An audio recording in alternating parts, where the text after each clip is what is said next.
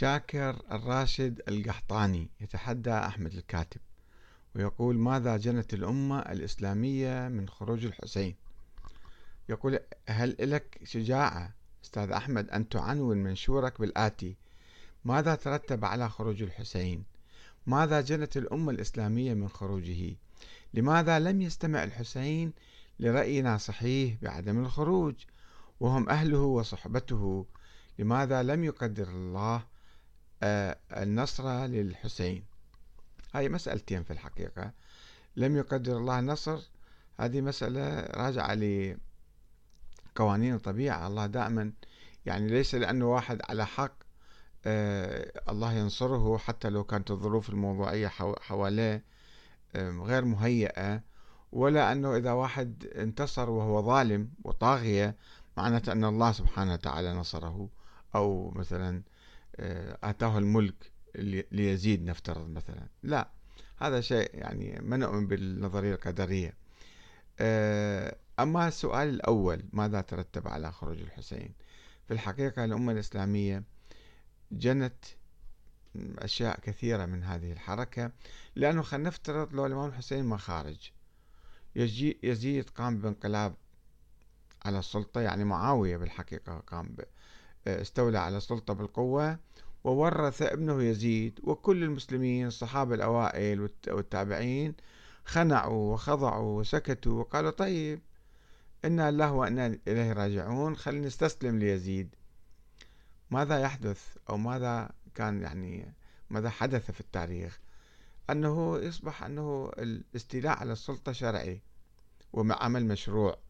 ومنذ ذلك اليوم إلى الآن إحنا أي واحد يخرج بعد على حاكم ظالم نقول له أنت أخطأت لأن الصحابة والتابعين لم يخرجوا.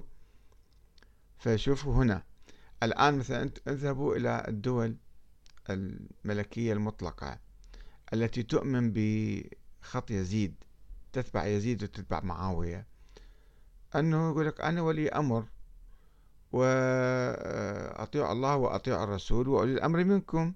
والمشايخ والعلماء وكبار هيئة العلماء كلهم يأكدون هذا المعنى. فعلى الناس جميعا أن يخنعوا ويسكتوا وعندهم هذا الشيء محرم. أن واحد يعني يعارض الحاكم أو يطالب بحريته أو يطالب بحقوقه أو يطالب بالعدالة الاجتماعية أو يطالب بمثل الاستقلال.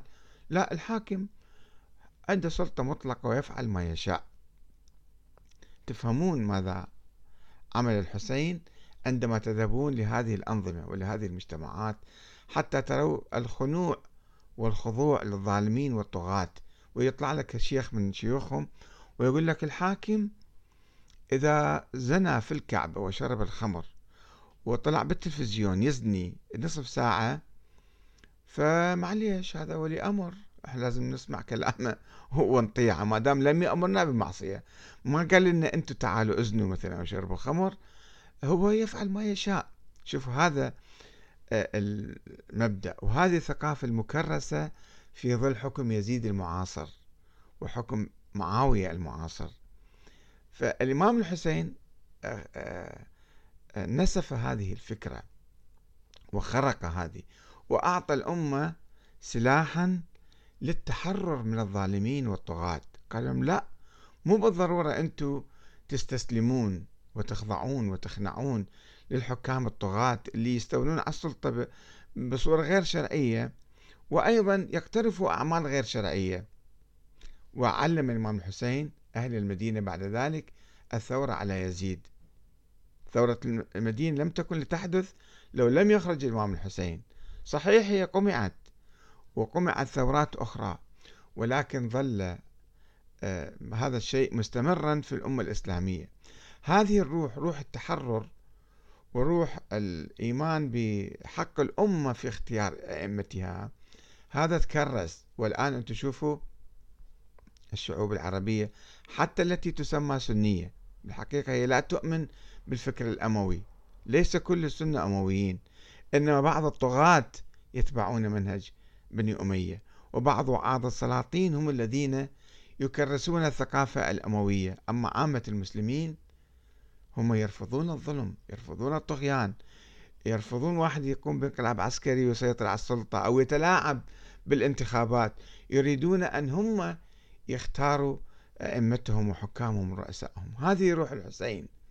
الحسين موجود الآن. في الأمة الإسلامية. روح الحسين موجودة تعلمنا الإباء والعزة والكرامة والتحرر من الظالمين. هذا ما جنت الأمة الإسلامية من خروج الإمام الحسين. أما الذين نصحوه فبعضهم كان هو جبان هو خائف هو لا يقدر الظروف مثلا هو لا يؤمن بعدين هو نفسه ابن عمر مثلا عبد الله بن عمر. الذي نصح الحسين بعدين اضطر أنه يجي آه، الحجاج بعد آه، واقعة الحرة وبعد آه، القمع اللي سواه يزيد. وما بعد يزيد من الحكام الأمويين يجي يدق علي الباب بالليل ويقول لي أنا جاي أبايعك. ليش جاي تبايعني الآن؟